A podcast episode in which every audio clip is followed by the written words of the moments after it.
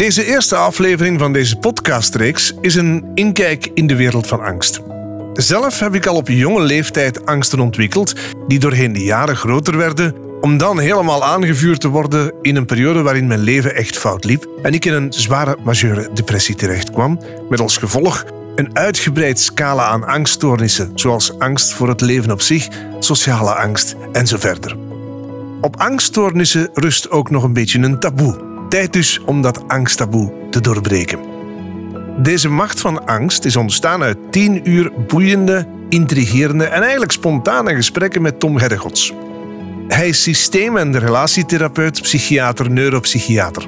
Tom is al meer dan 25 jaar actief bezig met het behandelen van angststoornissen. Je kan het zo gek niet bedenken of hij heeft het onderzocht, uitgeprobeerd en uiteindelijk een systeem gevonden dat angst met succes aanpakt. Tom, waarom hebben we angsten? Angst is eigenlijk de meest efficiënte uitvinding van de natuur en van de dieren om te overleven als die angst in functie werd voor om het lichaam en de entiteit en de integriteit van het lichaam en de kinderen van die persoon te beschermen. Als je geen angst hebt, als je geen pijn voelt, zoals kinderen, er zijn kinderen die bijvoorbeeld geen pijnreceptoren hebben en die krabben hun eigen oogjes uit en die kunnen niet overleven, want ze hebben geen pijnreflex. Dus pijn, angst, dient om het lichaam en zijn entiteit en zijn gezondheid te beschermen. Dus op zich, de normale basisangst is geen kwaad gegeven. is een zeer noodzakelijk, uitermate noodzakelijk, van mensen die dat bijvoorbeeld niet hebben. Ja. Een psychopaat is redelijk gevaarlijk. hè. Of die kunnen, nou ja, iemand de, keel oversnijden en die zullen dan nooit van wakker liggen. Dat is, hè. Maar dat zijn ook wel sociale handicapten, want die kunnen niet functioneren in een voetbalploeg of waar dan ook. Hè. Dus, ja. Dat zijn niet de angsten die ons leven verkloten. De natuurlijke biologische angsten Nee, om te overleven, Helemaal niet. die spelen ons geen parten, tenzij dat die te veel getriggerd worden. Maar dan heb je de angsten waar we het veel gaan over hebben. Dat zijn dan de angsten die ons gegeven worden door de ander of door, zoals je het zegt, omstandigheden in het leven. Ja, als ik het over angst heb, hoe dan ook, maar daarom schrijf ik het onder andere in mijn boek met angst met de grote A. Ik maak daar niet een ander woord van vrees of wat dan ook. Nee, is angst door mensen uitgevonden, uitvergroot, bijna onbewust, bijna doorgegeven. Om even de dieren te schetsen, er is geen één dier in de wilde natuur die zichzelf dood eet, die te veel eet. Bijvoorbeeld zelfs een hyena, een heel laf dier zou je kunnen zeggen, want die zit op het einde van de voedselketen te wachten tot al de rest gepasseerd is en een rotte korpsen opeet. Hij eet nooit meer dan dat zijn lichaam hoeft. Hij drinkt ook geen druppel meer dan dat zijn lichaam hoeft. Tamme dieren fretten zich dood. Krijgen van mama toch nog zo'n keer heel veel. Ach, maar ik zie hem zo graag. Dus geef ik hem toch nog zo'n koekjes.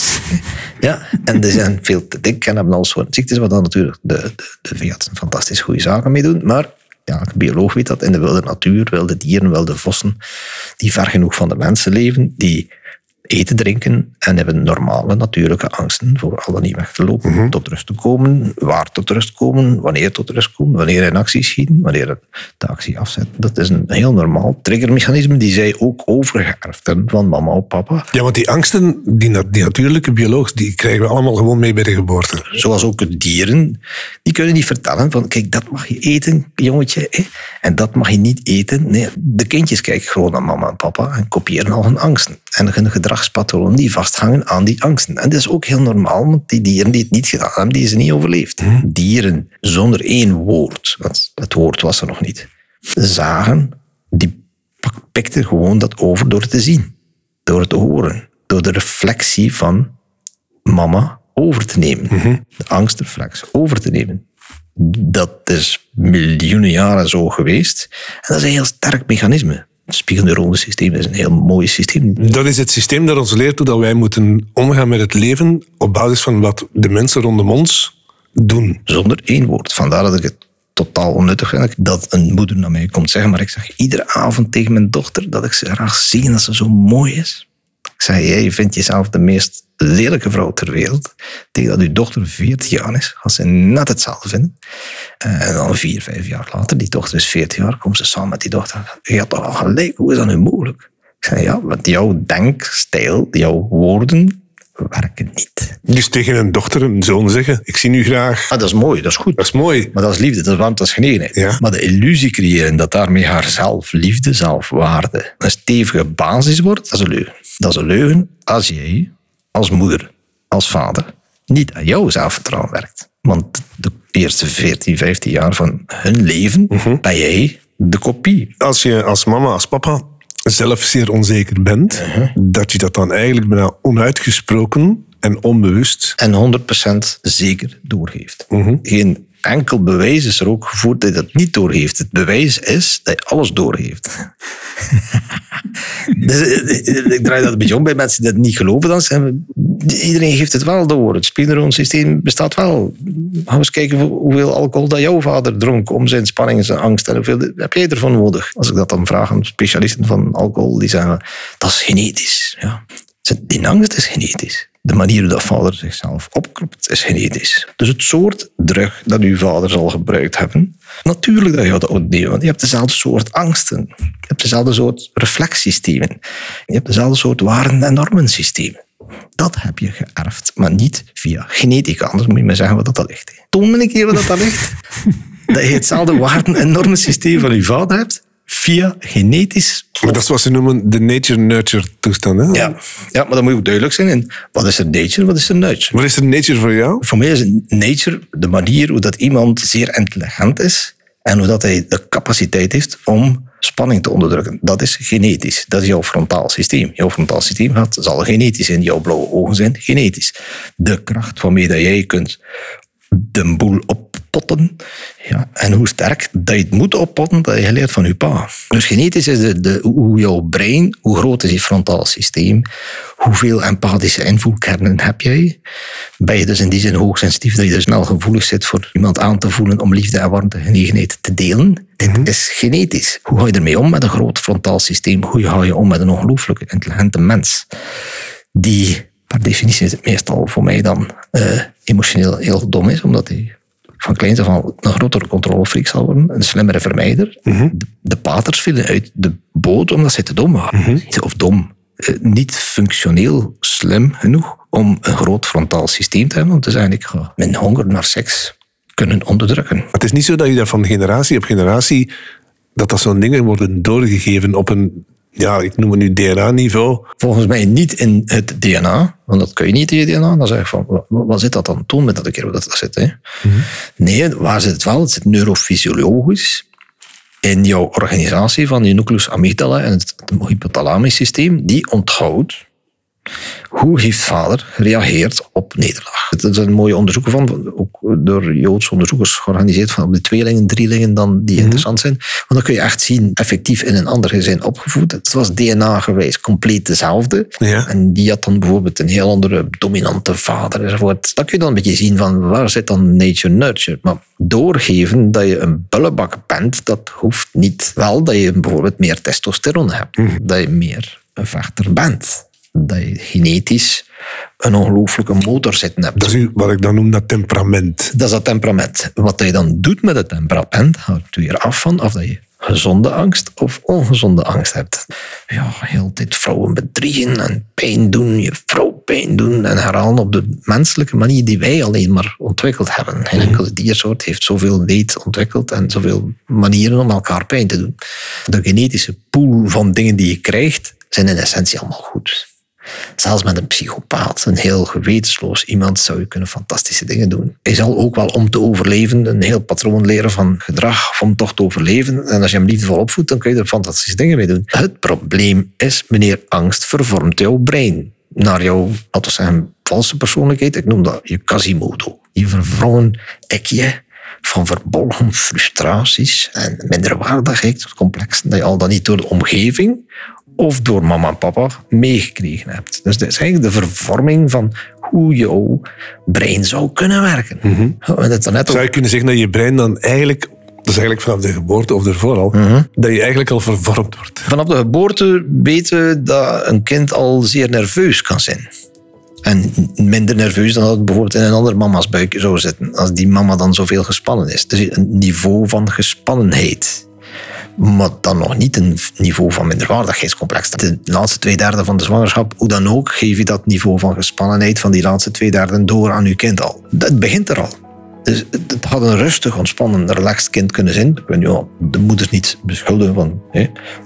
Maar ergens weet men dat, dat intuïtief wel. Want ik moet in mijn zwangerschap plezier hebben. En, eh, maar het is bewezen dat de laatste twee derde het kind gewoon nerveuzer maakt. Dus hij is al gecompromitteerd, hij staat nog niet de wereld in, hij staat al onder stress. Dus zijn angstniveau, zijn stressniveau, staat al hoger dan het misschien had anders kunnen zijn. En hij moet dan daarmee kopingsmechanismen ontwikkelen en krijgt dan onder zijn voeten, omdat hij te veel weent en en, en we zijn al vertrokken. En afhankelijk van het soort ouder dat hij dan krijgt, niet dat die klein dat al kan verstaan, dat papa, maar hij voelt Papa is boos. Hij voelt, mama houdt mij niet meer vast. Hij voelt dat.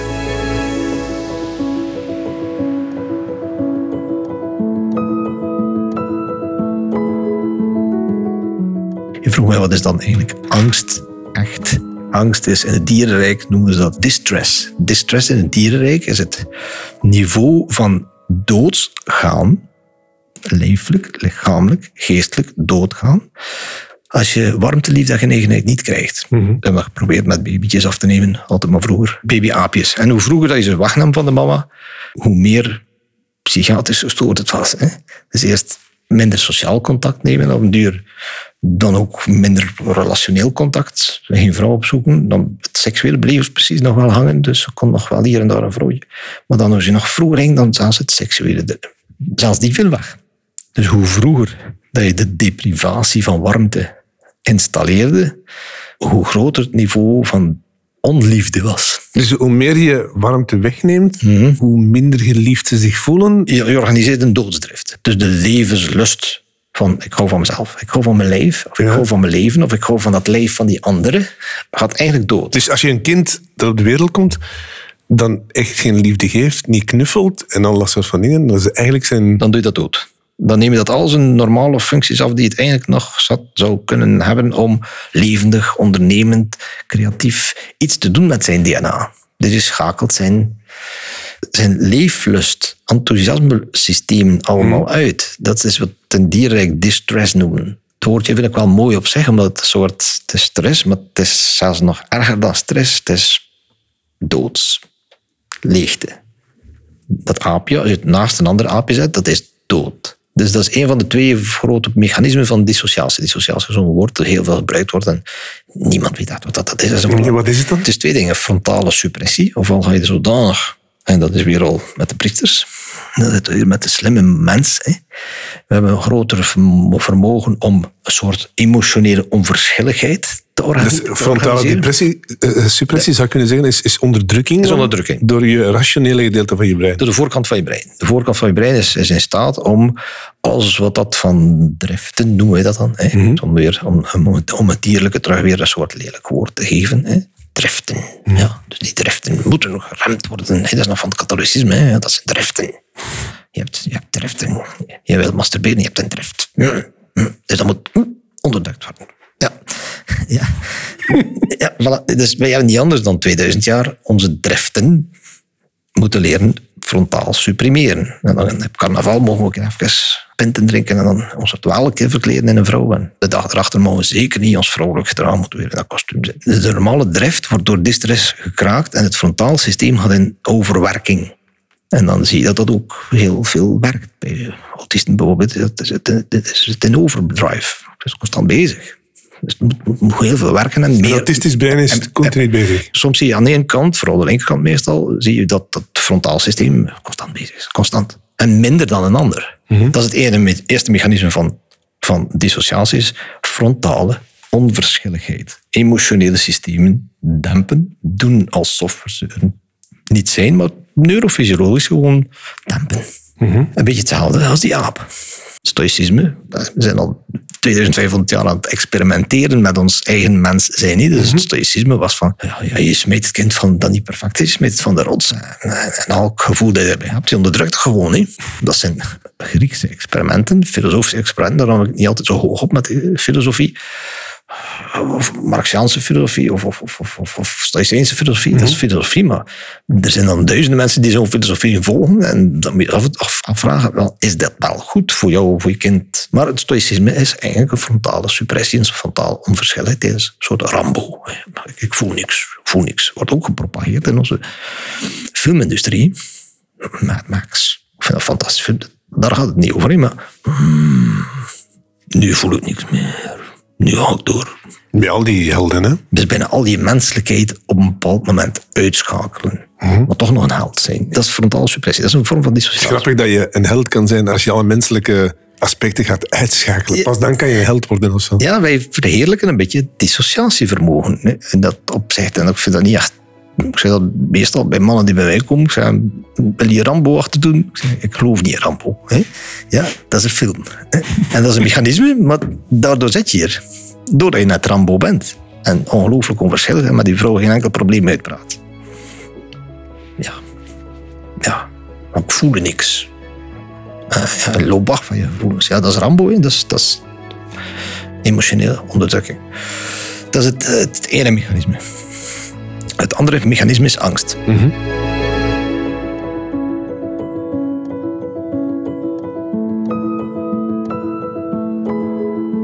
Sinds 2012 heb ik allerlei vormen van effecten van angst mogen ervaren.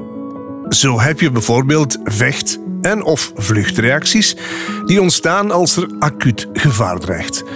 Maar er is nog een andere vorm van angstreactie en daar wil ik het even over hebben. Waarom? Omdat die zo heftig kan zijn en niet steeds echt begrepen wordt. In de volgende afleveringen komen we trouwens zeker terug op alle andere reacties. In 2015 bijvoorbeeld liep ik in de IKEA rond op zoek naar een gordijnenstang. Een simpele opdracht lijkt me. Tot ik de blikken van de omstaanders voelde, waardoor ik compleet bevroor, geen keuze meer kon maken. Het zweet me uitbrak, mijn adem stokte en het leek alsof ik helemaal verlamd was. Ik kon me nog net naar een stoeltje sleuren, ergens in een hoekje lekker verborgen. Freezing. Wat is dat, Tom? Uh, freezing is steviger, straffer. Concreet voorbeeld van freezing is midden in de nacht wakker worden. Denk een duiveltje op je borst zitten en je kunt taal niet bewegen. Dat is freezing. Is het dan ook een beetje samengaande met wat slaap eigenlijk doet? Dus een beetje je lichamelijk systeem uitschakelen. En freezing is een ouder systeem. Is het, uh, het, uh, het hagedisje die helemaal stil ligt. En je denkt, is dood. De egel ook een beetje, maar die zet gewoon zijn stekels. Maar de reptielen kunnen zich helemaal doods voordoen. En geen enkel dier eet een dood dier op. Zijn mama heeft dat dat geleerd. Ja, dat gaat vrij zeer doen in uw buikje. Hè? Ze heeft dat niet kunnen vertellen. Ja. Dat is een reflex. Ja, een dier wil, eet een dier op die het eerst dood heeft gebeten. En nog levendig heeft gezien. De meeste dieren, als ze een dood dier tegenkomen, die gaan er niet opeten. Want het is aan het rotten. En je wordt er ziek van. En mama heeft dat zo geleerd. Dus de reptielen hebben een freezing. Mensen die misbruikt zijn, die zitten hoe dan ook in freezing. Zitten hoe dan ook in frontale suppressie. Dus ze gaan heel veel dingen mochten ze van de daders niet doen. Dus die frontale suppressie hebben ze mooi aangeleerd door de dader, dat is één. En twee, ze hebben een freezing reflex aangeleerd. Als ik me heel stil heel kil hou, helemaal uitschakelen. Eén, dan voel ik niks meer, Rambo, frontale suppressie. Ja. Maar twee, dan, dan als ik in freezing ga, dan slaat hij het niet meer. Dan slaat hij minder. En dan stopt hij. En die twee mechanismen zijn altijd niet goed. Ze zijn rampzalig. Voor uw functioneren, voor uw denken, voor uw ontwikkeling. Je mag dan nog DNA-gewijs de meest gedreven, gepassioneerde schrijfster zijn dat eigenlijk de natuur voor u heeft voorgelegd. Die twee mechanismen zullen het allemaal verplaatsen. Daarom is het zo belangrijk en is psychiatrie, psychologie, voor mij core business. Zou het eigenlijk zo'n goede wetenschap moeten zijn dat wij boven alle medische sectoren zitten, want de rest volgt. Als je niet goed in je vel zit en vol met spanning zit, dan ga je hoe dan ook maagsfeer ontwikkelen, wat dan ook. Maar zolang we zo onkundig zijn op het gebied van spelen met angst, weten wat dat er juist is, en er al dan niet samen over denken, hoe gaan we dan nu meer uit mensen krijgen, dan krijg je altijd maar mensen die mislukken in het leven, ondanks dat ze duizend talenten hebben. Ondanks dat dat een ongelooflijke, krachtige, gepassioneerde mens is. Poenk, zijn angst, of zijn dissociatie, of zijn freezing mechanisme, is de verantwoordelijk voor het minder tot stand komen van al die talenten, van zijn genetica. En als je dan genetisch een bepaalde stoornis hebt, ook de meeste die dan al bewezen zijn, die zijn heel duidelijk, dat is een, dat is een bepaalde oogafwijking. Of wat dan- En dan weet je dat genetisch terug. Maar dit is niet genetisch. Je hebt het gehad van mama en papa. En van de omgeving. Of van de eerste leraar die jou een jaar aan een stuk in een bepaald profiel duwde en toeliet dat de anderen met jou lachten. Dus die leraar heeft, heeft eigenlijk ook een beetje zijn eigen vriesmechanisme in jou geduwd. En dat is jouw eh, belemmering om dan in het leven het later goed te doen. Dus daarom zou het ons meer moeten interesseren. Niet alleen om mensen meer blij en goed te maken, maar zolang dat er angst is, dan, dan zal dat ons meer en meer zieken kosten, meer en meer geld kosten, meer en meer miserie kosten. En minder en minder tot talent komende mensen. Als je dan nu verplaatst naar het bedrijfsleven, wat betekent dat dan? In het bedrijfsleven is het heel simpel. Zolang je de angst laat leven, dan zal je bedrijf geld verliezen. Maar je hebt toch managers die rea- regeren door angst, om maar een voorbeeld te geven. Ja, en dat, En veel systemen zijn daar toch op ingebouwd. en dat kost die Trump-managers gigantisch veel geld. Moesten ze dat beseffen, zoals het misschien ook al op zich wat minder doen. Want als je dus constant mensen onder druk zet, onder spanning zet, onder angst zet, dan krijg je hoe dan ook werkverzuim, krijg je hoe dan ook eh, burn-outs, krijg je hoe dan ook ooit een keer een van je werkgevers die, die je banden kapot stekt. Dat kost ook allemaal geld. ja. Dus als die man dan echt zo koud en kil is en op geld belust is, dan zou hij ook wat slimmer moeten zijn. Al is die dan een, echt een psychopaat. Hij zou nog moedend verstand hebben. Wat heb ik eigenlijk daaraan om mensen zo onder druk te zetten? Ja, oké, dan heb ik controle. Dan, heb- dan is mijn phalanx misschien wat minder. Dan heb ik tijdelijke overwinningetjes. Maar zijn bedrijf zal niet goed draaien. Of tijdelijk. Zeer goed tijdelijk. Tijdelijk zeer goed draaien. Ja, want iedereen is opgefokt.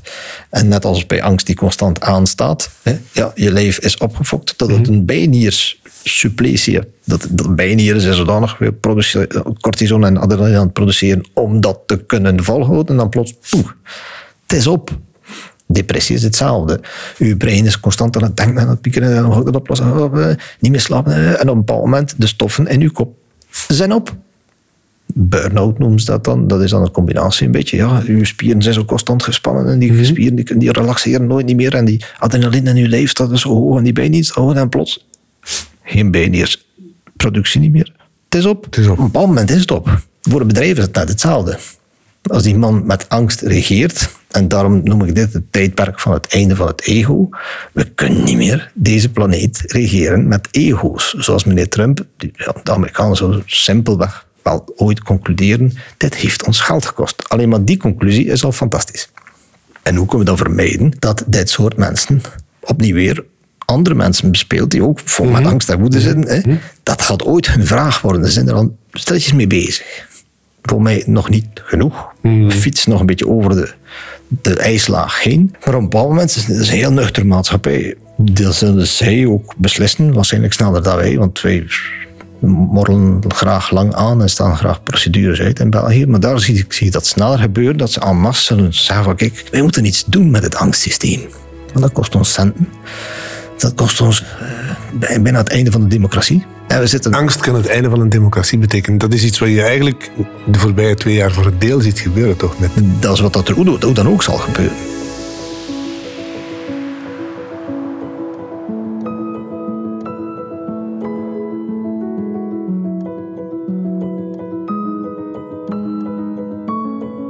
Dat is zo voorspelbaar. Daar heb ik geen glazen bol voor nodig. Ik kan- dat ik kan- dit angst het einde van de democratie kan veroorzaken. ja, want dit is zo'n mooi systeem. Iedereen heeft nu alles. We hebben heel goed gezorgd voor elkaar, eh, herwegen aangelegd, zoals de Romeinen. Dus we hebben nu verwarming, autostrades. Hoeveel depressie hebben we? Zelfmoorden? Nog nooit zoveel. Dus, Nooit zoveel. Dus eigenlijk de droom van het Romeinse Rijk. Iedereen, het staat niet van het Romeinse Rijk. Het Romeinse Rijk was 10% heeft alles en de rest is slaaf. Zelfs dat zijn we niet meer. De meeste mensen zijn koning.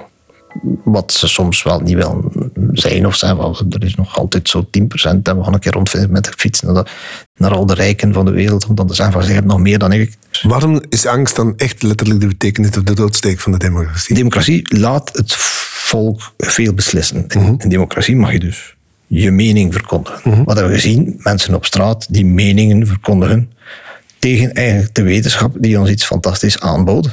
Vaccins om niet te sterven. En we hebben nogal wat meningen gezien. Nog wat Peter, Peter Pannekes die ook zei van onze vrijheid is belemmerd. Ja. In oorlog wordt die vrijheid belemmerd. Het uh, linkscommunisme wordt die vrijheid belemmerd. En uh, het nazi-regime werd de vrijheid belemmerd. Hier wordt de vrijheid niet belemmerd. Een vaccin is geen vrijheidsbelemmering. Er is eigenlijk geen vrijheidsbelemmering, maar iedereen vindt wel dat vrijheid belemmerd wordt. En het is nog nooit zoveel vrijheid geweest. We hebben nog nooit zoveel te zeggen gehad. We mogen dingen zeggen, maar we kunnen met die vrijheid niet om. We krijgen al soort meningen en extreme meningen en allemaal extreme meningen. En iedereen botst tegen elkaar in en iedereen is ongelukkig. En meneer Angst is daarvoor verantwoordelijk. Trump regeerde niet zonder angst. Hij heeft angst bespeeld voor de grenzen. Hij heeft angst bespeeld voor, voor buitenland. Fantastische tijd, want het is niet moeilijk om al die angst te bespelen. Voor puur zijn eigen bewin. En om daar dan te doen alsof dat hij de nieuwe Messias. Mm -hmm. ja, hoe dikwijls moeten we... En dat ook geloofd werd door een heel paar mensen. En hoe dikwijls moeten we dan nog tegenkomen in een democratie waar nu de mensheid wel kan beslissen voor wie is de volgende leider. Maar dat we eigenlijk allemaal nog beslissen vanuit angsten. En geen enkel politicus moet beweren dat hij geen populist is, want ze spelen allemaal angsten. Mm -hmm. Maar als je constant de angst ziet toenemen van veel mensen, dan krijg je hoe dan ook mensen die dat op een of andere manier willen zullen bespelen. Dan krijg je hoe dan ook aan de linksen of aan de rechtsen, die dan zeggen van, ah, we gaan die of die richting uit. En het is altijd geen goede richting. En we herhalen opnieuw het oude systeem. Dus angst maakt, is, is, een, is een kleine virus, is eigenlijk de terrorist binnen in de democratie. Het probleem rond het mislopen van democratische processen ja. is dat mensen ongelooflijk veel mislopen angst hebben. Ongelooflijk veel mislopen angst hebben. Wat bedoel je? Kijk, bijvoorbeeld een, een, dame, een zeer religieuze dame die ik ken, die, hadden het even over Trump, en zegt ze, dat is de Messias. Voor haar is dat de Messias. Want hij zegt zijn mening, ongezouten. Dat hoor je heel veel mensen zeggen. Hij komt tenminste voor hij ons op, tenminste. hij zegt het tenminste. Ja. Het is een brut, maar... Ja, wat, wat wij ergens denken, hij zegt eigenlijk wat hij vanuit je angst, je pure woede. Ik zou wel niemand anders aan doen. Die Mexicaan buiten zwieren. Religieuze mensen dikwijls zien niet dat hun meerdere ongelooflijke bedriegers zijn. Het is al ja, 2000 jaar zo. Mm -hmm. Dus angst maakt blind. Hè? Angst maakt ons blind. En angst niet alleen de liefde maakt blind. Uh, nee, nee, ja, nee. We hebben het erover gehad, over verliefdheid. Verliefdheid is, ja. is heel dikwijls de, de vriend van meneer Angst op de verkeerde manier en dan val je op de verkeerde vrouw. Ja. De verliefdheid is niet altijd de juiste richting dat je moet volgen, maar je kunt dat ook niet inhouden natuurlijk, want dan ben je weer frontaal bezig. Dus die, die verliefdheid zal je toch weer duwen naar de zoveelste fout dat je opnieuw weer herhaalt. Hè. Mm -hmm. Liefde is, is mooi, maar verliefdheid kan je lelijke dingetjes mee doen. Het is niet zo'n betrouwbaar mechanisme mm -hmm. om dan te zeggen van ja, volg je verliefdheid nog maar. Hè? Ja. Dat is hetzelfde. Volg, volg, volg je kwaadheid voor meneer Trump. Ja, dat is de volgende Messias. Hè? Maar dit kan niet anders of de, het einde van de democratie. Wat op zich een prachtig iets is. Dus vandaag tegen mij, de angstige is per definitie gek. De destructieve angst, noem iedereen faalangst, verlatingsangst, angst voor verandering. Als je die laat zitten, maakt je hoe dan ook gek. Je bent dan los van je kunde, ja. je, je, je mooie draad in het leven verlies je eigenlijk al een beetje. Dat je zegt, ik zou kunnen een heel goede kapster worden, maar drie of vier leraars spreken nu af. Heb, en je zegt, oh nee, ik ga stoppen met ik word huisvrouw. Of, of, of, niet dat dat erg is, maar ik durf niks meer te doen. Ik ga in regressie. Mm -hmm. En ik doe dus niet het talent wat ik voor geboren heb. Op zich is dat al gek. Hoe dan ook, als je angst laat groeien, word je gek. Mm -hmm. Je gaat dingen zien, horen, ruiken, smaken en voelen. De vijf zintuigen die er niet zijn. ja. En zo ver van de bedshow is het niet. Want iedereen zegt van ja, maar moet, ja. moet ik daarvoor al psychotisch in? Je zit in angst. En dan maak je illusies. Je brein creëert. Zoals de illusie bij die heel gelovige dame, die gewoon is van pauzen te hebben. En de maar veel ver, verbolgen kwaadheid zit. Echt zegt, voor mij is Trump de Messias. Mm -hmm. Ik verwijt die vrouw niet, maar dat is pure gekheid. Ziet zij dat op dat moment? Nee, wat is zo dan nog blind van woede en van angst dat zij het niet ziet. En ik kan daar niet in binnen. Ik kan er ook niet in binnen. Ik heb hier drie antivaxers gehad die in opleiding waren hier. En die zeiden van, ik wil dat... Drie antivaxers in opleiding? Ja, in opleiding. En die zeiden van, ja, goh, een ervan, die kwam af, mag ik daar mee over praten? Ja. Ik zei over, over, over medisch bewezen dingen die de geneeskunde doet. Ik ben altijd arts. Praat ik niet, want dan zeg ik van, je bent geen arts. Een arts doet alleen maar dingen en dat is soms te koud.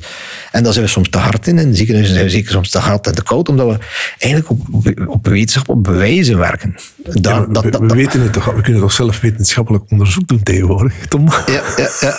ja. En, en, en de meeste dingen is op dat wetenschappelijk onderzoek gebaseerd. En daarom zijn we soms te kil en te hard, omdat wij eigenlijk alleen maar zeggen, we, we gaan maar iets aannemen. Neemt dan de virologen.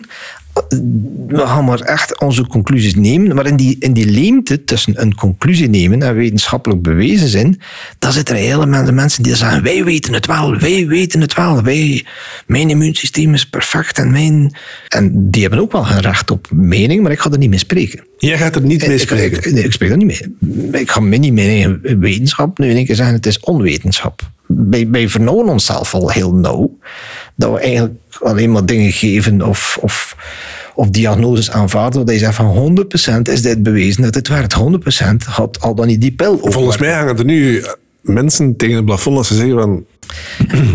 Als je zegt van, ik spreek er niet mee of, of eh, ik luister er niet naar, want dat heeft geen zin. Eigenlijk, dan komt het eigenlijk op neer, hè, want ze kunnen het niet begrijpen. Eén, voor mij persoonlijk is het verloren tijd. Ja, En twee, het is het moeilijkste in de, in de psychiatrie om met een paranoïd iemand te zeggen dat hij paranoïd is.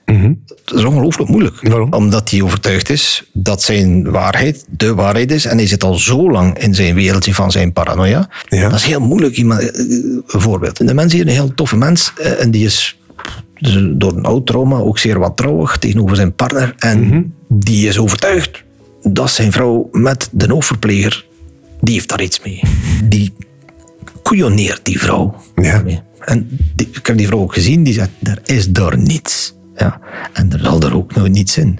Maar in zijn overtuiging zit dat. er. Zijn al twee jaar bezig met die mens, dat hij soms dat ik het toegeeft, soms dat ik niet toegeeft, dat zijn eigen paranoia hem drijft tot controleren van die telefoon, zagen erover voor de zoveelste keer. En ga je naar dat feest van, van het ziekenhuis. Dat is zijn faalangst. Dat is zijn verlatingsangst. En hij vat dat soms wel, soms Ja. niet. En dat is nu nog een, een pakbare. Dat is nu nog iemand die er open voor staat. Die toch de mensen al toegeeft en komt naar mij met de openheid. Want de zus staat over openheid. Wanneer werkt iets bij ons? Als je er open over zit. Als je zegt, van, ja, ja, ik ga erover discussiëren, dokter, dat ik al dan niet wantrouwig en een controlefreak ben. Dan zeg ik van, ga bij een ander alstublieft. Alsjeblieft, ga je begint er dan gewoon niet Ik aan. begin er gewoon niet meer aan. Ik ben 56, ik heb geen zin. Ja? Plus mijn team. Van, Dat is ook wel streng.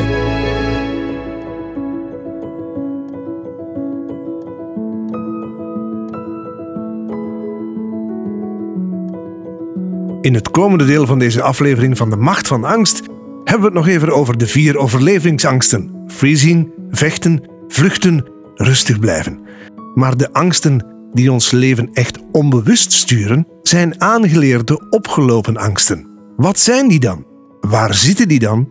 Vallen die angsten met denken en praten op te lossen? En wat ik ook wou weten, Tom, is een patiënt meetbaar? De patiënt is compleet meetbaar. Je kunt wel niet zien wat gebeurt er in zijn hoofd als hij in angststoornis zit op het moment dat hij voor jou zit. Ja. Maar je kunt wel een, hem een testje laten afnemen, een heel simpel testje, tot een langere test, waar je ziet van hoe hoog zit je op de angstscore, hoe hoog zit je in de depressiescore. Deze instrumenten, zoals bij de farmaceutische industrie heeft toegepast, die instrumenten bestaan voor angststoornis, voor depressies. Meetbare toestanden waar je zegt van, ah, dit doen wij dan. En dan tegenover een ritje suiker werkt het. Dus die instrumenten bestaan. Er zijn prachtige meetbare instrumenten waar je al kunt op drie sessies zeggen, deze therapeut waar jij mee gebabbeld hebt, na tien sessies ga je er nog niks mee bereiken. Oh, Die zijn perfect. Ja, dus Barry, Barry, zijn naam ontsnapt me nu, is een, Amerikaan die heeft prachtige tools ontwikkeld om na drie, vier sessies te zien bij zichzelf. Het is een ongelooflijk goede therapeut en heeft zo'n altijd een vraag gesteld en ook gemeten. Ja. En dan zag je bij een aantal mensen, ik ga niet vooruit. En dat, dat zijn er regeltjes voor. Dat zijn er, en dan, de patiënt kan hierop antwoorden en bijvoorbeeld zijn na drie, vier antwoorden weet je eigenlijk, er is geen klik, dit zal nooit vooruit gaan. Maar het klinkt dan niet alsof dat je een mens dan echt bijna in een box kunt Ja, gaan steken voilà. en in een hoekje. Ja. Nu spreek ik Ja. waarschijnlijk misschien gedreven door een vorm van Nee, nee, angst om mij in een hoek te duwen. Ja, ja. Als, als iemand ook met angststoornis is, dan... Ja. Dat is een van de argumenten waardoor dat wij onszelf out of the box van de wetenschap duwen. Ja. Een mens is niet meetbaar. Dus we duwen onszelf weer in de mist. In de mist van het onwetende. Hè? Dan zitten we weer met dat priesterschap. Hè? Ik heb niet graag priesterschap en ik heb niet graag van die nieuwe priesters en die nieuwe spirituelen die dan heel de wereld gaan veranderen. Hè? De goeroes. Ja, de, de goeroes met de zachte stem en de heel diepe, krachtige... Aha. Ja, dat, dat, dat, is- dat is Guru is een vlucht, heb je in het vorige gesprek eens gezegd, denk ik, of zoiets. Of, ja, eh, ja. Ja, we zijn allemaal op zoek naar mama's en papa's, omdat we eigenlijk allemaal eh, ja, volgens mij een beetje emotioneel kleine kindjes zijn. En we zijn ook zoogdieren. Dus uh, goeroes zijn papa's die dan plots zeggen waar jouw toekomst ligt, waar je krachten staan. Een van mijn dochters is zelfs naar een waarzegger geweest. Die man heeft een enorme impact gehad op haar. En die hebben talenten. hè. Ik, ik, ik klaag niet met de mensen. Dus die hebben ongelooflijk talenten om dingen te voelen, zien. En die kunnen heel nauw jouw emotionele spanningsveld of jouw emotionele toekomst misschien zelfs voorspellen. Waarom niet? Eh, als je- Als je angstig bent, dan ben je voorspelbaar. ja. Hoe minder angstig je bent, hoe minder voorspelbaar dat je bent. Dus eigenlijk kun je iemand aflezen op zijn angst. En kan ik een aantal dingen voorspellen. Als je iemand kan lezen op zijn angsten, Ja. dan kan je hem ook eh, beter inschatten Ja. en voorspellen wat zijn gedrag gaat zijn. Ja, dat is ja, redelijk logisch. Die mensen hebben die, die, impact, die ook die kunde. En dat geeft een enorme weerslag op bijvoorbeeld mijn dochter dan, die zei van, pa, dat, dat was juist, dat was juist. En dat zijn allemaal redelijk juiste dingen. Heeft iemand daarnaast nog een talent om in de toekomst te kijken? Oké, tot nu toe zijn de testen die daarop... Je kunt dan mooi... eh, Er zijn een aantal testen, die mensen die zo kritisch zijn en die dan een test laten doen. Dan niemand heeft de toekomst kunnen voorspellen. Dus als je echt een kritische test doet, maar het lijkt wel zo. En zeker bij iemand die dan bijvoorbeeld een aantal onzekerheden heeft. Je gaat niet naar een waarzegger omdat je zelf zeker bent over je toekomst. Je gaat niet naar een waarzegger omdat je zelf zeker bent over jezelf. Je hebt een aantal grote essentiële vragen en dan komt er daar een grote antwoord op. Een een stoute vraag. Mensen die kaarten leggen, eh, dan waarzeggers doen en dat soort van dingen. Ja. Zou je kunnen zeggen dan, is dat een soort van diagnose van daar zit veel onzekerheid en angst? Ja, ja, maar die kunnen mooie diagnoses stellen. hoor. Ik onderschat zeker de kracht van die mensen niet. En ik Ja. onderschat die, want ik heb dat heel lang heel veel mensen bestudeerd, omdat ik vond dat ik sommige mensen die bijvoorbeeld met een heel ons team eh, drie, vier jaar volgden en dan stappen ze naar één waarzegger en dan plo- plots zie ik veel meer vooruitgang dan de, dan de twee jaar dat wij erin gestopt hebben. Serieus? Dus dat is wel interessant. Dus dit soort mensen zijn ongelooflijk interessante manieren dat zij werken is ook interessant. Heb ik ook heel veel bekeken en bestudeerd. En er zit er een zeer een redelijke logica aan. Je leest iemand cold reading. Je leest eigenlijk iemand zijn non-verbale communicatie. Wat lees je dan? Op dierlijk niveau, een hond leest direct de non-verbale communicatie van die een andere hond. Die, die hebben daar geen problemen mee, wel de hond. Hè. Dus die, die lezen elkaar en die lezen elkaar heel snel. Dus Ja. dat, dat zit ook in ons. hè. Noem het dan intuïtie, noem het dan lezen, noem het wat dan ook. Hè. Maar hoe angstiger je bent, hoe minder je dat kunt lezen. Hè. Nou, Sommige mensen kunnen heel goed iemand anders lezen, beseffen niet altijd dat ze iemand anders lezen. Het is eigenlijk zo'n non-verbale communicatie en het, aantal, het soort van angst dat je hebt. Maar ja, een goede therapeut, je komt nog maar binnen, je geeft iemand een hand, je hoort de klank van zijn stem of, of je hebt hem twee minuten aan de telefoon gehad. Je kunt heel veel lezen. Druist dat dan niet in tegen wat je daarnet zei, het wetenschappelijke? Ja, dat weet Want dit dit ja. lijkt me dan eerder het, ehm, hoe moet ik het dan oneerbiedig gaan zeggen, het zweverige of het, het, Ja. het niet-wetenschappelijke ten opzichte van waar je naartoe wilt, het Ja. wetenschappelijke. Ja, dat is nou net interessant. Daarom ben ik ook veel naar dat soort mensen geweest. Ik ook incognito naar die mensen geweest. Want ik vind het fantastisch hoe dat die dat kunnen. Je hebt zelf jezelf laten lezen. Eh, Ja, verschillende keren niet voorgesteld wie ik was, enzovoort, Ja. enzovoort, enzovoort. Om Ja. dan te zien hoe werken die. En die hebben een heel logisch systeem. En als we dan weer vaag zijn, dan, dan, dan zitten we in... als je angstig bent, dan, ben- dan is je bewustzijn vernauwd. Dus je hebt veel vragen, dus je bent eigenlijk niet zo breed denkend. Ja. Dus je ziet niet de dingen. Hè?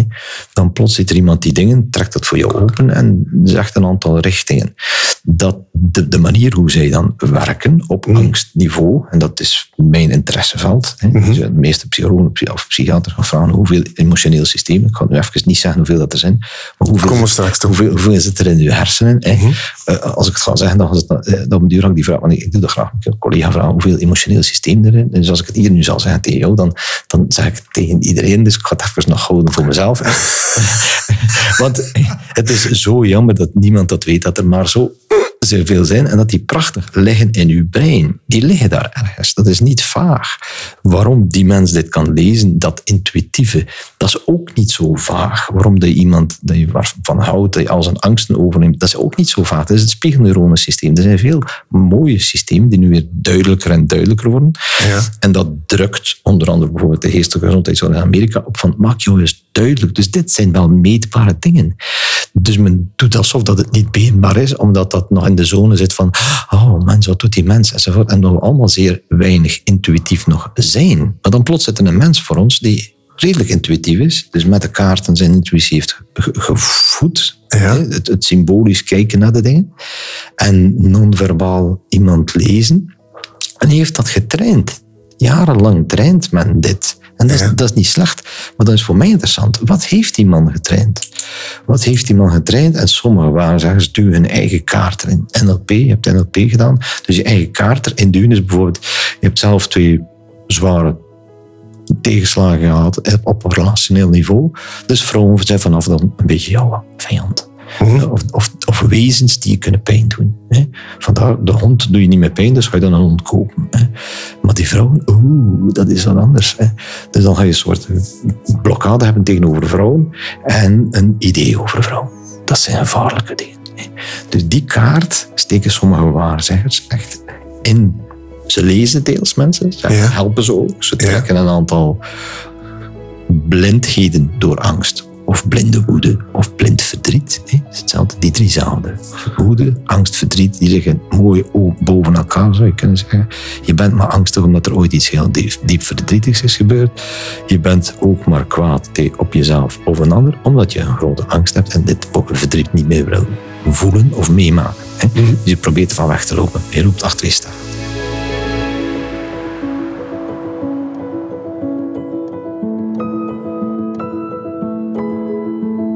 Tom net vertelde over bijvoorbeeld vrouwen, heb ik denk ik letterlijk gedaan. Op een bepaald moment had ik echt angst voor vrouwen. Die angst sloeg zelfs bijna om in haat. En ik begon echt te veralgemenen. Ik denk dat ik eigenlijk mijn eigen mislukkingen met vrouwen veroorzaakte, al was het maar om te bewijzen dat ze slecht waren. Denk ik. Mijn trauma's hadden me overgenomen, zonder dat ik het wel en goed doorhad. Gelukkig was er therapie. Tom, je hebt een boek geschreven en daar heb je het over bepaalde angsten die ons leven regeren op een onbewust niveau. In mijn eerste boekje, dat is een Nederlandstalig soort pocketboek, heb ik me enkel gefocust op oké, de, de core business. Ik heb het laatst gezegd, de core business van psychiatrie en psychologie zou moeten zijn angst. Want bijna elke stoornis is ergens eraan gerelateerd. Zoals Bijna elke stoornis is angst. Dat betekent, ik denk aan smetvrees. Ja dat, is angst. Angst om te sterven van een beestje die door je huid zal gaan. Dus je onderschat je eigen immuunsysteem en dat beestje is een gigantisch groot beestje. Obsessief-compulsief gedrag? Hij is dan ook weer, want je wil dit beestje vermijden, dus ga je gaan wassen en uitzinnig gaan wassen. Een materialistische oplossing voor een emotioneel probleem kan nooit lukken. Dus je gaat één keer je, je, handen wassen, twee keer je handen wassen, drie keer je handen, vier keer je handen, vijf keer je handen wassen. En op duur moet je 36 keer je handen wassen met een bepaald ritueel erachter. Dus die angst om een beestje, dat grote beest, coronabeest, dat zal mij opeten. Dan ga je naar handen wassen. Oké, dan zegt Frans niet te veel je handen wassen, maar iemand met een obsessief-compulsieve stoornis, die zal zijn handen wassen tot zijn handen helemaal open liggen. Het vel er bijna af, af, af, af rompelt. En de alcohol die zal overal staan, want dat wordt een obsessie. Dus dit is dan ten koste van jouw lichamelijke of geestelijke gezondheid. Ja. Drie angsten. Eén, faalangst. Faalangst. Twee, verlatingsangst. En drie? Angst voor verandering, angst voor de dood, angst voor ziekte. Ja. Dus die, die hangen. Je, je kunt ze samenbrengen. Het is allemaal een beetje van, oh, ik zou kunnen in de steek gelaten worden. We zijn zoogdieren, dus onze grootste angst is mama, papa, het kind, die zal sterven. En als die dan ook sterft, dan zeggen we, ja, ik zal er wat tegen kunnen met uw hoofd, maar nee, als het dan effectief gebeurt, dan ga je dood. Er zit een doodsdrift in jou. Dat is de basis van angst. Die doodsdrift, dat ongelooflijk verschrikkelijke gevoel toen dat vader jou, je had 7 op 10 en het was niet fantastisch en hij heeft je drie, jaar, drie dagen niet aangekeken. En hij wou per se dat je een 10 op 10 of een 9 op 10 had. En voor die drie dagen zit hem gebeiteld in jouw emotionele brein. Vanaf nu zeggen, ik wil dit nooit meer voelen. Dus dan ga ik al soorten trucjes vinden. En heel slimme mensen vinden ongelooflijk goede controle- en vermijdingsstrategieën om nooit meer dit te voelen. Wat krijg je dus? Dat je het constant voelt, dat je het zelfs opzoekt en dat je het constant aantrekt. Want je brein hoort niet, niet. Probeer eens te denken, niet aan een rode olifant. Zit je constant met een rode olifant, dan ga je zeggen, die rode olifant technisch gezien aantrekken. In dit geval van, ik wil niet meer falen. Dus je gaat constant situaties aantrekken waar je constant faalt. Van controle en vermijding kun je constant altijd slimmer maken, maar je komt toch altijd weer opnieuw jezelf tegen. Want iemand die alles maar perfect doen en nooit fouten maken, die zal dan ongelooflijk crashen. Zijn eerste burn-out zal zijn op het moment dat er iemand zegt, je werkt echt op niks. Dus je komt toch dan die angst tegen, je vermijdt van hem eigenlijk te verwerken en je wordt dan iemand groter en jouw controlevermijdingsstrategie zul je alleen maar zieker maken. Dus die obsessie van ik ga nu alles van beestjes van mij wegkrijgen, want ik heb een angst voor verandering, angst voor de dood, angst voor diertjes die op mijn huid zitten, die zal enkel alleen toenemen omdat jouw technieken, controle en vermijding, die cognitieve technieken zijn, denktechnieken, dat die geen dempen, maar dan ook niets doen. In tegendeel, zelfs de angst doen versterken. Dus je moet altijd meer naar straffere technieken, zoals iemand die ongelukkig is, die zegt, ik heb geen uh, levenslust. Oh, maar als ik Ferrari heb, dan heb ik het wel even. En dan kun je die, ja, een tweede Ferrari, een derde Ferrari op een duur moeten de Ferrari zijn van de duurste, de enigste, de uniekste, maar dat gat gaat nooit opgevuld worden. Dat is hetzelfde met een obsessie. Dat, dat, je zegt, ik denk materialistisch, of je bent nu je handen duizend keer aan het wassen, of ik heb nu een nieuwe Ferrari gekocht, dat is hetzelfde. Het zal nooit jouw heel diepe ongeluk of jouw faalangst, omdat ooit iemand heeft met jou gelachen en dan plots heb die Ferrari en de vrouwen zien nu wel staan. Ja, plots in die vrouwen nu wel staan. Ik wil even nog terug naar die wetenschappelijkheid. Niet wetenschappelijkheid, omdat je daar toch um, ruimte laat voor de, de, de lezer, die op zijn intuïtie zichzelf geleerd heeft om beter iemand te leren. En tegelijkertijd zeg je, we moeten wetenschappelijk gaan werken. Ja. Rijm die twee eens met elkaar voor we naar de rest gaan. Intuïtie is van dieren. En dieren hebben hier miljarden of miljoenen jaren overleefd. En die hebben systemen ontwikkeld die eigenlijk in onze hersenen zitten. En wij noemen dat plots intuïtie of iets dierlijks, maar die, zijn, die zitten in ons brein. Dus we kunnen dat niet, niet vaag maken. Door, als je in angst zit, zie je dus, ben je minder geconnecteerd met je intuïtie. Ook minder geconnecteerd met je enthousiasme en je levenszin. Want dat is wat angst doodmaakt. Dus als je angst niet verzorgt, dan ga je dood. Mhm. Dan eindig je met doodswens. En dan bekijk je het leven op duur meer en meer doods. En wordt je brein ook dood. Dus je enthousiasme wordt dood. Dus intuïtie, enthousiasme, dingen wat dat eigenlijk dieren heel normaal vinden. Want ze staan er zelfs niet bij stil van dat zij één bol intuïtie zijn. Dus die lopen naar de bergen als er een tsunami afkomt. De meeste dieren zaten al lang in de bergen. En de mensen, wij mensen, ja, nee, we zitten nog op het strand en, en zaten nog toen die tsunamis toekwamen, gewoon op het balkon en dan plots komt er hier nu een ding. Maar de dieren waren al lang weg. Moet je dan zeggen, dit is iets raars, iets bizars. Iets van de heksen, nee, waar heksen voor verbrand hebben. Nee, dat is puur, puur dierlijk. Waar zit dat? Dat zal ergens zitten in je brein. En dat meer en meer zien we waar het zit in het brein. is dat het reptiele brein, dat dierlijke? Het, het reptiele brein. je ruggengraat? Voilà, het reptiele brein, het zoogdierbrein. We hebben een hele massa prachtige overlevingsmechanismen meegebracht, wat die we eigenlijk onderdrukt hebben, omdat we heel intellectuele Romeins-Grieks denkers geworden zijn, maar bijna die connectie dat we mee verloren zijn. We moeten nu lezen welk soort eten wij kunnen eten neem bijvoorbeeld de Chinese geneeskunde, zegt dan, als jij goed in je vel zit, goed in je intuïtie, dan mhm. voel je wat jij nodig hebt. Kinesiologen doen dit ook. Ze meten, zo gezegd, je, je, je, je, lichaam. Ze horen je lichaam ja of nee zeggen. Is dat zo bizar? Voor mij is dat niet zo bizar, maar je lichaam weet eigenlijk veel beter dan jou ze horen je lichaam ja of nee zeggen. Ja, dat zijn zo'n bepaalde technieken waar je dan zegt, je legt iets, je legt een bepaalde vorm van eten op je, op je maag. Of, en, plots heb je weinig kracht. Hè. Ja. ja. Dus, dat, dat, dat werkt. Dus, ik heb dat gedaan met iemand en dat werkt effectief. Maar eigenlijk zit er ook logica achter. Wij vinden dat dan zeer mysterieus. Ja. Maar een dier ruikt, voelt, smaakt aan iets en die zal dat al dan niet opeten, want het past niet bij hem. Wij hebben 36.000 dieetboeken nodig om ons te vertellen wat er eventueel goed, gezond of niet gezond is. Mhm. En we voelen het niet meer.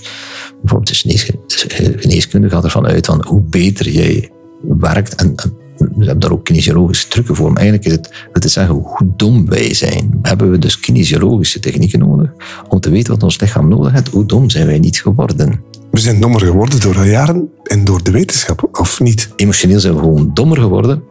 En dat is dan mijn hypothese, dat staat ook in het boek. Hè, Ja. Door gewoon te denken. Als je begint te denken, en denk, met mijn denken zal ik alles oplossen, je pense donc je suis, dan zet je het denken bovenop de intuïtie. Eh, Letterlijk noemen we dat ook bijna, eh, we geven ook geen zo'n mooie woorden voor intuïtie. eh, Het is, het, is, het is van de dieren. Het is, zo, ja, het is precies van, niet, niet van ons. Dus dan begin je iets heel fouts te doen. We willen om de zoveel tijd terug naar de natuur, maar we hebben eigenlijk de natuur we zijn ervan weggelopen door te beginnen denken. Het denken heeft ons in een narcistische positie gezet, waar we denken, we kunnen veel met denken oplossen. Mhm. Met denken kun je op het gebied van angst, spanning, stress, obsessies niets oplossen. Integendeel.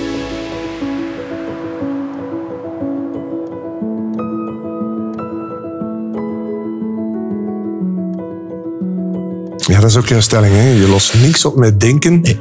eh, in verband met angst dan toch. Nee, Maar, maar ik, ik dacht dan gisteren na even, eh, eh, dacht ik dan aan het woord trauma's. Mhm. De- de- Valt dat daar dan ook onder?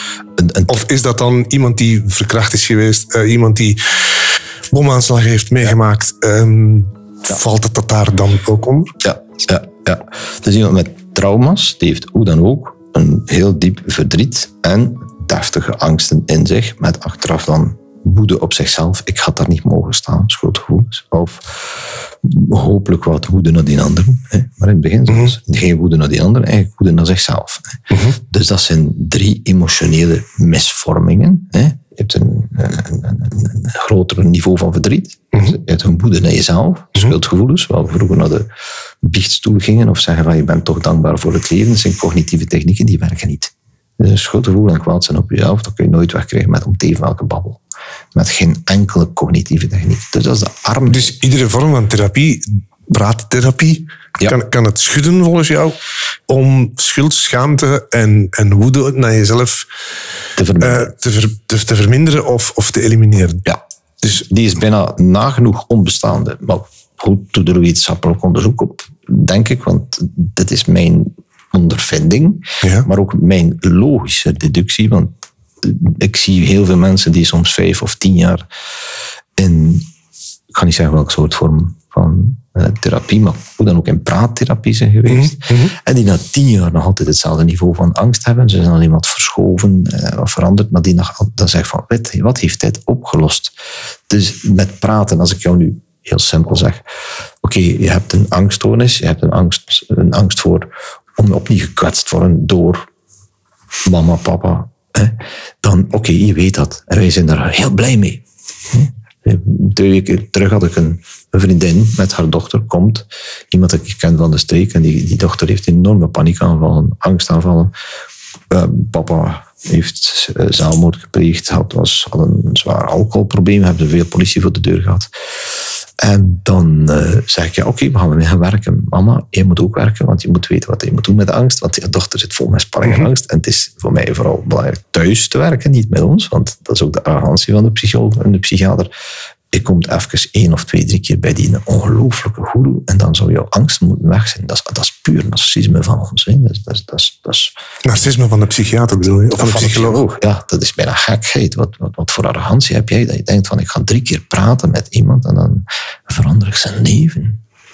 Dat is, dat is trouwens niet waar. Als je, als, je, als je dingen meet, dan is dat niet zo. Na drie sessies. dan heb je een aantal inzichten. Maar goed, om het verhaal eh, af te maken. Dus die mevrouw had ik een aantal dingen voorgesteld. Leer mediteren, werken met angst enzovoort. Oeh, ja, na, na vier, vijf sessies zie ik ze plots niet, maar dan zie ik ze drie weken geleden. En dan zegt ze zo heel bijna triomfantelijk, want mensen komen al soms naar een psychiater of een psycholoog om hun overtuigingen zogezegd los te laten, maar eigenlijk houden ze liever vast, want ze hebben ook bepaalde psychiatrische inzichten. Hè. Dan zegt ze, oh, ja, ik heb mijn dochter nu laten meten, ze heeft autisme. Ze zeggen, proficiat, wat een mooie kader. Wat ga je er nu mee doen? Want ja, kan ik dat ook geven, niet dat, die diagnose, mevrouw? En dan stond hij daar heel raar te kijken als een vis. Maar dat is wel heel belangrijk dat wij dat durven zeggen. Wat ben je ermee dat je weet dat je een autist bent? Dat je, bang, dat je sociale fobie hebt? Dat je bang bent om naar buiten te gaan? Ja, oké, ik weet dat nu. Heel veel mensen zijn er echt ongelooflijk bang mee. Dus dat is, dat is Descartes, je pense donc je suis, dus ik weet het nu. En ik zeg nee, je sens, ik voel, donc je suis. Als je voelt wat je angst hebt, als je met die angst speelt, werkt, en dan voelt, ik kan die, oh, ik kan die zelf overwinnen met mijn eigen lichamelijke technieken, ja, dan ben je op emotioneel niveau te werken, waar eigenlijk angst zit. Angst zit niet op cognitief niveau, je kunt nooit een angst wegdenken. Zelfs al weet je van, van tien sets testen. Ik heb nu ADHD, die volgens mij ook een angststoornis is. Een leuke discussie ook in de psychiaters. Ja. Ik denk dat dat inderdaad iets is wat dat veel mensen zo gaat zeggen van oh, ADHD. Ik heb het al eens uitgeprobeerd voorbije dagen. ADHD is een angststoornis. Ja. Dan zie je de oogjes omhoog gaan. zo omhoog gaan. Hè? Ik kan erover uitweiden, maar een van de simpele, simpele laten we zeggen, puur psychofarmacologische bewijzen daarop is, waarom geef je relatine? Relatine is een ecstasy cocaïne-derivaat. Wat doet dit? Je angst wegnemen. Je focus verscherpen. Dus je neemt je angst en vooral bij die amfetamines, de, het zelfvertrouwen, de faalangst, zet je op een heel lager niveau. Dus je geeft je kind een instrument, een scheikundig instrument die wel op emotioneel niveau werkt. Maar waarom zou relatine anders werken als het niet op het angstsysteem werkt? Leg mij dat eens uit. Vraag- Geen idee. Voilà. Dus vraag dan aan die de psychiater of psycholoog die werkt met eh, relatine of, of, of, of, en die vindt dat normaal en die heeft een diagnose gesteld ADHD. En leg dan eens uit wat eigenlijk die relatine doet. Die werkt enkel maar op dat angstsysteem. Er is geen enkel iemand die ooit verslaafd geweest is aan ecstasy of amfetamines, die geen faalangst heeft. Want het werkt fantastisch op faalangst. Je hebt dat niet meer. In een plos, plos begin je te zingen en, en zie je het zitten en je de super DJ. Je kent die wereld. Hè? en dan plots eh, je je lijntje gesnoven en dan... Je was wel moe ook, maar bon, het is meegenomen. Maar dan plots kun je focus en dan heb je zoveel meer zelfvertrouwen. Het is de serie van de goddrugs. Hè? Je, je voelt je mannelijker, krachtiger. En je kunt seks door blijven hebben. Hè. Dus je, je, je haalt heel wat remmingssystemen, angstsystemen, leg je eigenlijk even plat met relatine en de focus vernauwen. Dus dit is wat je doet op neurofysiologisch gebied, dit is wat je doet op biologisch gebied.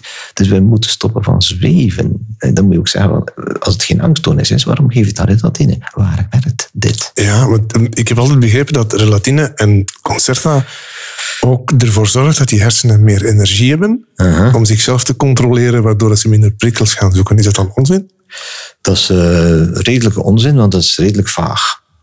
Wat, Waar zit die energie? Waar zit die energie? Welke systemen zit, houden die energie vast? Hoe loopt dan die plotse energie die dan vrijkomt? Hè? Dus het frontaal systeem is een systeem die uw emoties remt. Dat vergt energie. Als je dan plots alcohol drinkt of een drug, dan schakel je dat frontale systeem wat uit. En dan zie je plots oma die anders nooit durft te dansen op de dansvloer, die staat na twee champagneglazen plots op de dansvloer.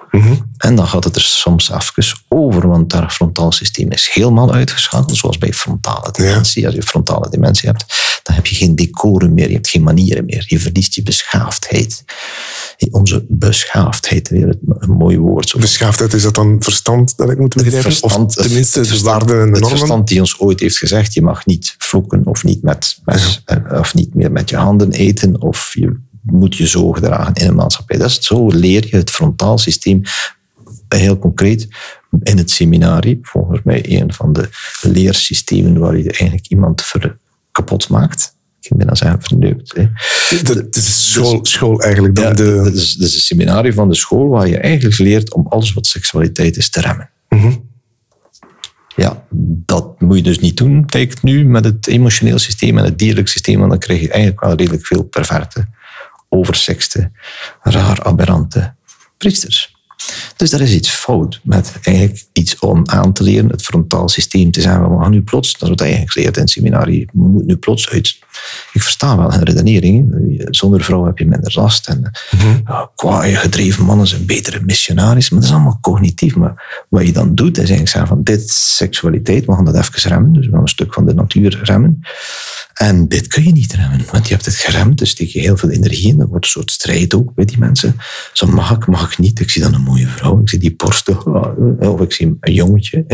En dan plots hebben die boven alle wel in de neiging om een klein jongetje plots in zijn aars te pakken. Dus het kind in dat kind is kapot. Dus is die mens, logischerwijze voor mij dan, ooit zelf het kind in hem kapot gemaakt geweest. Mhm. Dat is wat hij eigenlijk doet in het seminarie. Je maakt alles wat het kind, je mag niet meer lachen. Je mag niet meer spelen. Je moet zelfs heel stil zijn. Alle seksualiteit is, al wat aanraking is, dat moet allemaal afgesloten worden. Wat mhm. krijgen we helemaal de muziek? Ik versta hun doelstellingen niet, dus ik verwijt niemand die dat ooit opgestart heeft of die ooit zegt van dit moet je doen om een goede priester te worden. Maar we hebben nu gezien, achteraf, dit is geen goede zaak. Je kweekt daar een hele bende vechtende, strijdende tegen de duivel, want seksualiteit is dan van de duivel. Hè. En dan plots komt die duivel toch naar boven en dan plots zeggen ze van ja, maar ik was toen de duivel, maar ik weet dat niet meer, dus ik ga die duivel terug wegduwen. Dus er gebeurt iets in dat brein en dat eigenlijk heel logisch is. Je gaat met via het denken, je pense donc je suis, op je frontaal systeem, dat zit van voor in je, je, je, voorhoofd, je zeggen van ik ga nu een emotie remmen.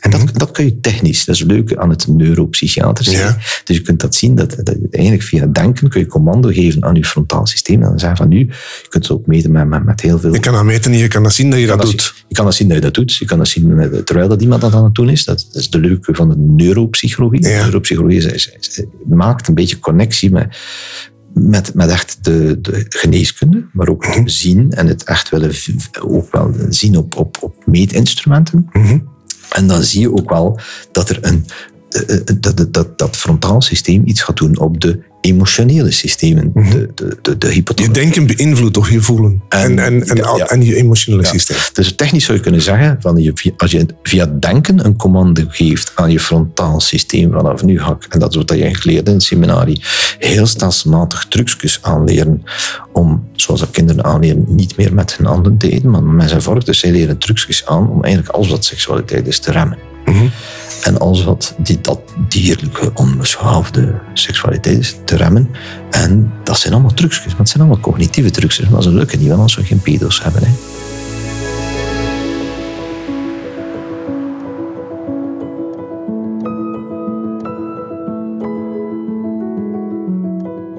Dus op het moment dat je zegt van ik ga remmen, installeer je eigenlijk een soort van deconnectie. Deconnectie van jouw natuur.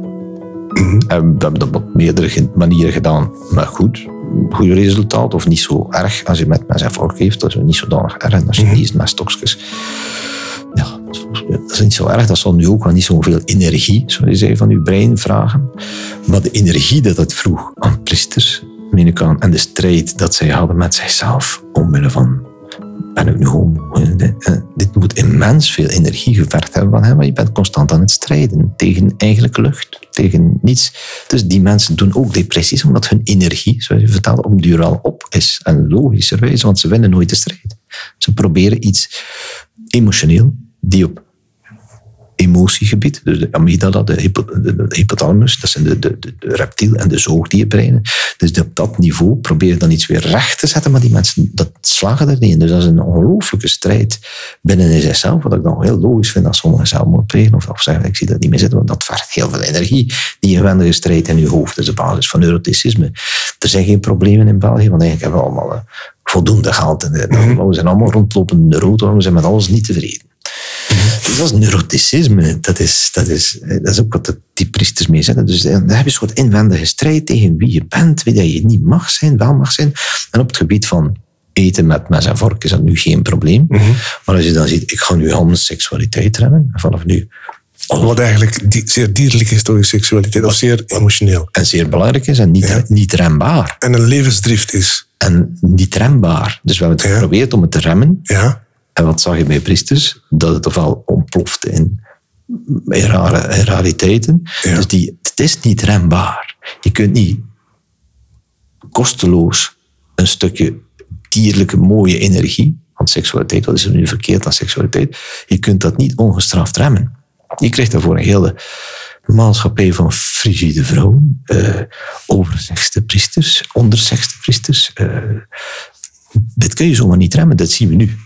Mm Wij is niemand met te vinden, want nu zien we meer en meer. We hadden dit eigenlijk niet mogen remmen. Maar voor, voor mij is vooral de kwestie dan, weer de core business van de psychiatrie en de psychologie.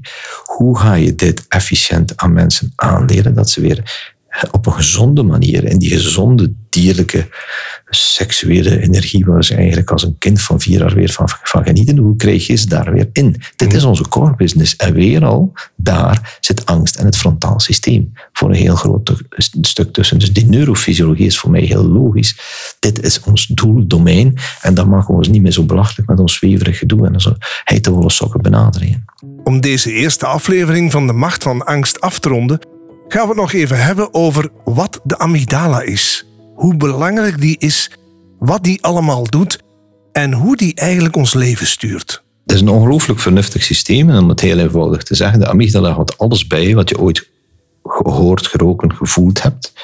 Dus de vijf zintuigen. Houdt elk, bij elke zintuigelijke waarneming een geur van deze bloem. Mhm. Zet daarnaast vier emotionele reacties. Uh, aanvallen, weglopen, bevriezen of rustig blijven. Mhm. Dat is al. En die onthoudt dat vlekkeloos. Want al de dieren die het niet vlekkeloos kopieerden van mama en papa en dan ook niet stevig vlekkeloos vasthielden, die zijn dood. Dus een dier die leerde van mama en die keek naar mama. Ah, ja, die riekt daaraan en die loopt weg. Geen enkel kindje in de vrije natuur, tamme dieren wel, tamme dieren wel, maar in de vrije natuur, wilde dieren, die, kopen, die kopiëren direct onmiddellijk dit systeem, want die moeten dat. Dit is hun overleving. Dieren kunnen niet praten met elkaar en zeggen van dit bloemetje mag je niet opeten, een kindje. Mm. wij leggen dat toen uit in duizend manieren, want dit is slechte voeding en dat is andere voeding. Dieren voelen dit en hebben geleerd van mama en papa de eerste korte zes maanden dat ze leden, want mama kan straks doodgaan, zo snel mogelijk alle emotionele programma's over te nemen. Dus die geur, mama loopt weg. Mhm. Geen enkel welpje van die leeuwin zal niet dat herhalen. Dat is het spiegelneuronensysteem. Dus wij spiegelen mensen die we graag zien. We spiegelen mensen die we graag zien. Hou eens bij jezelf in de gaten wat dat elke dag met je doet. Ik hoop dat je al wat meer inzicht hebt verkregen in angsten, hoe ze ontstaan en wat ze aanrichten. Mocht deze podcastreeks confronterend zijn, neem dan altijd contact op met je psycholoog. De macht van angst maak ik omdat ik angststoornissen uit de taboesfeer wil halen. Omdat ik vind dat we angst te lijf moeten gaan. We worden niet geboren met faalangst, verlating en bindingsangst. Ze zijn niet van jou.